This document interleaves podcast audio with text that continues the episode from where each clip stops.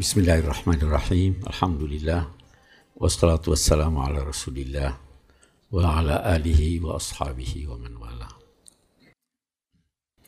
Bapak-bapak, ibu-ibu, saudara-saudara sekalian, Assalamualaikum warahmatullahi wabarakatuh. Nah, di pengajian yang lalu itu dalam konteks pembicaraan kita tentang ihsan, tentang akhlak, kita berkata bahwa Nabi memberi petunjuk agar supaya setiap muslim itu berakhlak dengan akhlak Allah. Takhallaqu bi akhlaqillah, berakhlaklah dengan akhlak Allah. Ini kemudian dalam eh, eh, diskusi kita lahir usul untuk membahas Asma'il Husna. Eh, karena itulah gambaran dari Allah. Sebelum kita masuk dalam pembahasan itu, eh, ada hal yang eh, kita ingin garis bawah. Yang pertama, kemarin juga saya sudah singgung bahwa dalam konteks akhlak itu eh, lahir bahasan-bahasan filsafat, lahir dalam konteks membahas tentang Allah juga lahir eh, eh, eh, filosofis. Ulama-ulama eh, tasawuf itu menjadikan perjalanan menuju Allah itu berakhir pada ma'rifah. Pengenalan terhadap Allah. Eh, itu bukan berarti orang yang tidak mengamalkan tasawuf tidak dituntut untuk mengenal Allah. Jelas sekali dalam Al-Quran ada perintah Allah fa'lam annahu la ilaha illallah. Ketahuilah bahwa sesungguhnya dia itu la ilaha illallah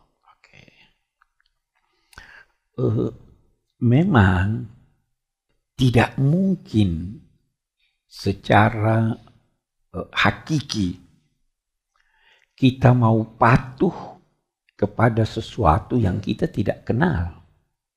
Tidak mungkin. Gimana saya mau patuh? Saya tidak kenal dia. Uh, dari sisi ibadah, tidak sah ibadah kalau itu diperintahkan oleh yang tidak kita kenal. Gimana? Kita tidak kenal kok diperintah. Itu sebabnya dalam Islam, semua ibadah yang tidak diperintahkan Allah tidak boleh. Tidak boleh. Itu eh, kaum musyrik, itu di dalam Al-Quran ada kaum musyrik itu eh, eh, menyembah berhala-berhala. Di hari kemudian dia ditanya, kamu sembah berhala-berhala itu? Iya kami sembah. Berhala-berhala itu berucap dengan bahasanya sendiri. Mereka tidak pernah sembah kami. Padahal kan kenyataannya mereka sembah. Tuh. Tapi berhalanya berkata, mereka tidak pernah sembah kami. Kenapa demikian?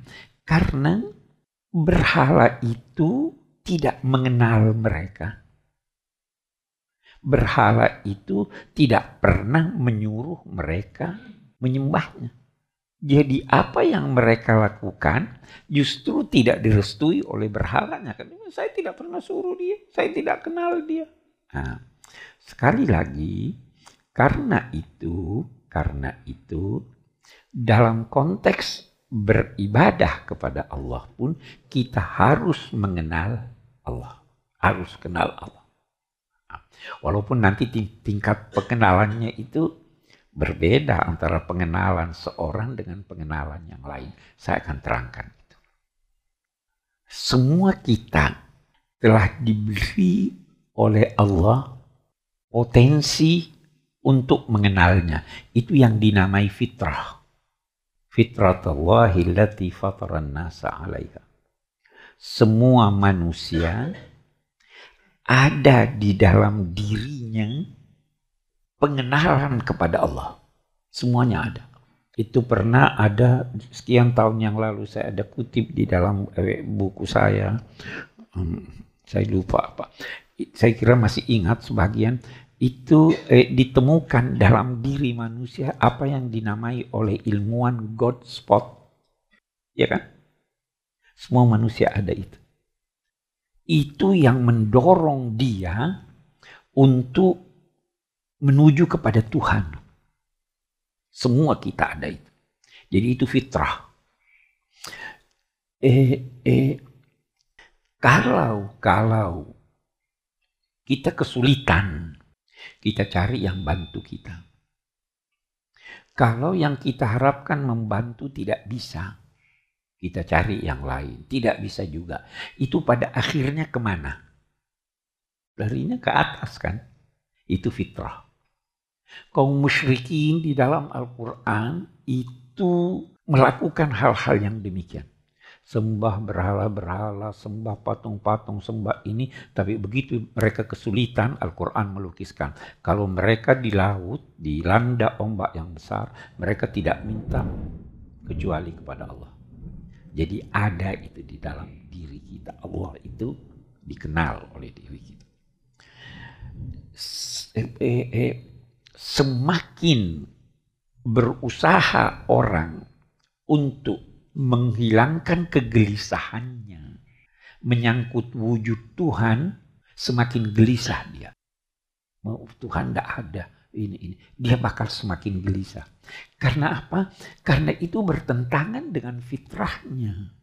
Oke. Eh, namun demikian ada orang-orang yang ingin mengenal Tuhan lebih dekat lagi. Nah, cara mereka bermacam-macam.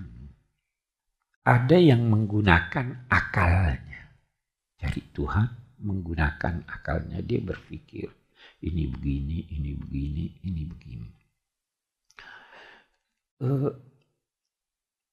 sebenarnya satu hal yang saya ingin garis bawahi. Di dalam Al-Quran, bahkan dalam perjanjian lama dan baru, itu tidak ada bahasan tentang wujud Tuhan. Tidak ada bahasan. Karena itu aksioma. Yang ada itu tentang keesaan Tuhan. Beda loh. Karena wujud Tuhan Jelas. Tidak mungkin dia tidak wujud. Ada orang-orang mau menggunakan akalnya. Bagus. Tetapi kalau dia mau menggunakan akalnya melampaui batas untuk membuktikan wujud Tuhan, melampaui batas itu sampai ingin mengenal zatnya, dia tidak bisa. Saya beri contoh kita sekarang. Matahari ada atau tidak? Ada. Pernah lihat? Lihat mataharinya. Bukan matahari yang Anda lihat. Pernah lihat bulan? Indah tidak bulan itu? Buruk. Lubang-lubang kita tidak pernah lihat bulan. Yang kita lihat sinar itu pun bukan sinarnya bulan. Ya kan? Itu pantulan. Tapi Anda percaya ada bulan atau tidak? Percaya ada bulan. Percaya ada matahari. Dulu orang-orang Badui itu berkata begini tentang bulan. Saya lihat ada kotoran unta. Pasti pernah ada unta lewat di sini. Jadi melihat bekasnya, ya, ini, ini kita kita begitu terhadap Tuhan. Kita tidak bisa lihat zatnya bagaimana Tuhan ini. Itu ulama berkata, matahari aja kita tatap tidak bisa apalagi pencipta matahari. Ada orang-orang yang ingin menggunakan akalnya sampai membahas tentang zat Allah tetapi tidak berhenti pada bukti wujudnya tetapi melampauinya hingga ingin mengetahui hakikat zatnya. Oke. Okay. Kita katakan itu tidak bisa. Tidak mungkin. Anda tidak perlu menunggu sampai melihat harimau. Tidak perlu menunggu untuk melihatnya. Begitu Anda mendengar suara harimau. Ya, Mesti mau tunggu, mau lihat ada ndak dia atau tidak ini. Tetapi kita perlu kenal Tuhan. Kita disuruh patuh, perlu kenal. Bahkan kita disuruh cinta, perlu kenal. Maka Allah memperkenalkan dirinya. Nah, dia perkenalkan oleh dirinya. Oh itu, saya itu wujud. Saya itu begini, saya itu begitu. Nah, kita lihat sekarang ma'rifah kita mau kenal Allah, dia perkenalkan dirinya. Saya begini, saya begini, saya begini. Kita garis bawahi lagi. Pengenalan Allah terhadap dirinya kepada kita itu unik.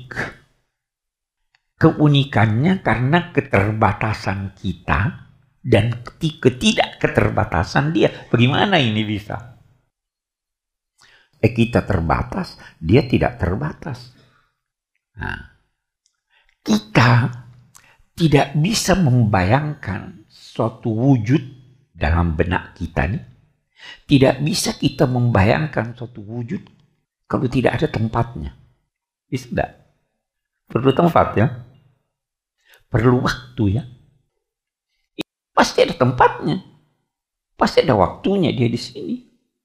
Tapi Allah Bagaimana saya perkenalkan bahwa Allah itu wujud? Kita perlu itu. Kalau diperkenalkan dia melalui dalam bentuk materi dan sebagainya, dia bukan materi. Allah mendengar. Mendengar atau tidak? Mendengar. Pakai telinga. Nah, tapi kendati demikian, ini uniknya, Allah sering kali bahkan hampir selalu memperkenalkan dirinya dalam bentuk yang dikenal oleh manusia dalam ke, dalam keterbatasan manusia. Maka dikatakan Allah mendengar Allah bicara Allah gembira. Saya baru tadi uh, ada eh, eh, menemukan eh, Allah juga sedih. Ini manusia ini Nah, setelah dia perkenalkan begitu, dia kunci. Laisa kamitslihi syai. Nah, itu. Dia begitu, tapi kamu harus yakin bahwa dia tidak seperti sesuatu. Laisa kamitslihi syai. Bayangkan deh Allah Maha mendengar. Tapi apa pun yang Anda bayangkan, tentang pendengaran Allah, tentang kualitas pendengarannya ada katakan jauh hebat sekali. Tidak seperti itu Allah. Itu itu itu laisa kamislihi syai. Tidak ada kah apa artinya kaf kaf seperti misil seperti jadi kalau kita terjemahkan secara harfiah, tidak ada yang seperti sepertinya. Hmm. Seperti sepertinya saja tidak ada. Jadi sepertinya ada atau tidak? Lebih tidak ada lagi. Tidak ada yang seperti sepertinya, yang sepertinya lebih tidak ada lagi, yang sama dengan dia lebih tidak ada lagi. Maka dia memperkenalkan dirinya antara lain dengan al-asma'il husna ini dia perkenalkan dirinya. Ini saya begini saya maha mendengar saya maha melihat saya maha ini. Dulu bahkan sampai sekarang saya kira di pesantren-pesantren masih ada itu walaupun sekarang sedang di diganyang keras oleh eh, satu kelompok tentang pandangan Imam Ash'ari yang mengajarkan sifat 20 kita kan dulu saya kira ya Oh itu lagi di Nganyang, saya baru dapat pesan dari Al-Azhar. Azhar itu wasotia. Azhar itu menganut faham Imam Ash'ari. Kalau orang-orang eh, di Saudi mengkafirkan Imam Ash'ari. Ya, Oke, kita tidak mau bahas sifat dulu. Walaupun sebenarnya itu lebih sederhana. Karena kita paling bahas sifat-sifat uh, Allah yang eh, wajib itu, sifat-sifat Allah yang mustahil. Sifat Allah yang wajib itu langsung bertolak belakang dengan sifat Allah yang eh, mustahil. Misalnya apa? Allah wujud, ya kan? Harus wujud Allah. Itu wajib. Yang mustahil apa? Apa lawannya wujud? Tidak wujud. Allah eh, baka, baka itu artinya ada terus menerus. Tidak pernah tidak ada.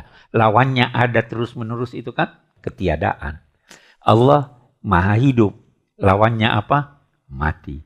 Allah maha eh, melihat, Allah maha mendengar. Lawan. Nah itu